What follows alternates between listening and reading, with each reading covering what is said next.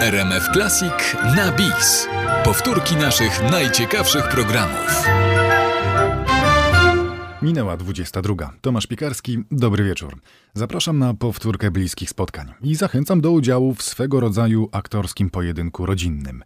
Gości będzie dwóch. Na co dzień spotykają się na scenie. Teraz zmierzą się przed mikrofonem. O relacji ojciec-syn, o życiu zdeterminowanym przez teatr, o istocie aktorstwa i o męskich sprawach porozmawiam z Janem i Błażejem Peszkami.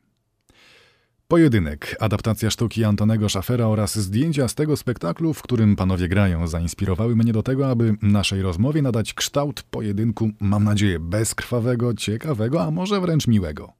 Pozwólcie panowie, że na wstępie zaproponuję kilka kategorii, w których skonfrontujecie się ze sobą. Kategoria numer jeden początek kariery. Kiedy, w jakich okolicznościach panowie zdecydowali o wyborze zawodu aktora?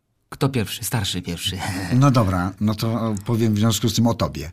Błażej kompletnie, myślę, nie, nie planował zostać aktorem przez długi, długi okres czasu. Bardzo krótko przed maturą jest taka opowieść nasza rodzinna. Usłyszeliśmy o tym wyborze jego przy obiedzie na którym gościliśmy Tadeusza Łomnickiego. Pracowałem z nim wtedy w, w Starym Teatrze i zagościł w naszym domu, e, mieszkaniu wówczas krakowskim, na rogu Wawrzyńca i Starowiśnej, gdzie zresztą jak się okazało drukował jakieś podziemne pisma w czasie e, II wojny światowej jako młody człowiek. No i zapytał e, Tadeusz e, Błażeja, kim będziesz, jaki zawód to bierzesz i powiedział krótko, aktorem. Pamiętam, że e, żonie wypadła e, łyżka, którą jadła zupę, bo to był dla niej szok. Ja przeczuw, mogłem przeczuwać e, przez bliskość Błażeja jego uczestnictwo i obserwacje we wszystkim, co, no, co ja przynosiłem z teatru. No, zawsze starałem się nie przynosić stresów do domu, tylko raczej myślę dzieci, zarówno córka Maria, jak i Błażej oglądali mnie zadowolonego z tego, co, co robię.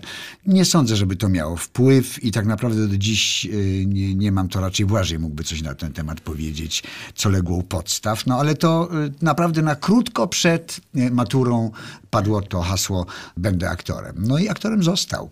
Tak, no, no, nie wiem, czy ja nie mia- życie mojego ojca nie miało wpływu na moją decyzję. No podejrzewam, że byłem tym skażony od, od początku mojego istnienia. No bo jakby ten świat przenikał bardzo do naszej rodziny. Mówię o świecie ojca jako aktora. Podejrzewam, że wydarzyło się coś takiego, e, co świetnie moja córka nazwała Zośka. Kiedy również pytają ją znajomi, pytali jej, bo teraz już ma inne, inne zdanie na, na temat świata, bo jest już poważną dziewczyną, ale pytali jej koledzy, kim by chciała zostać. I po którymś tam z rzędu pytaniu, w końcu zniecierpliwiona powiedziała, no przecież nie widownią.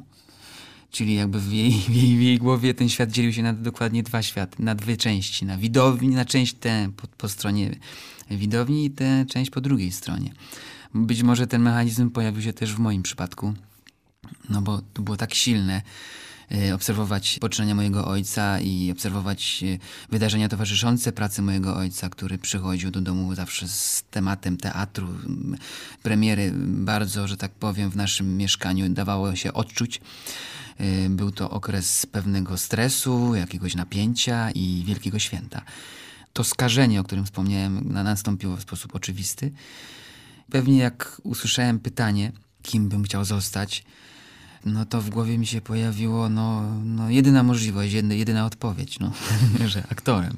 Także dziękuję ci bardzo, tatusiu, że, że nie ingerowałeś w moją decyzję. No zdrowie.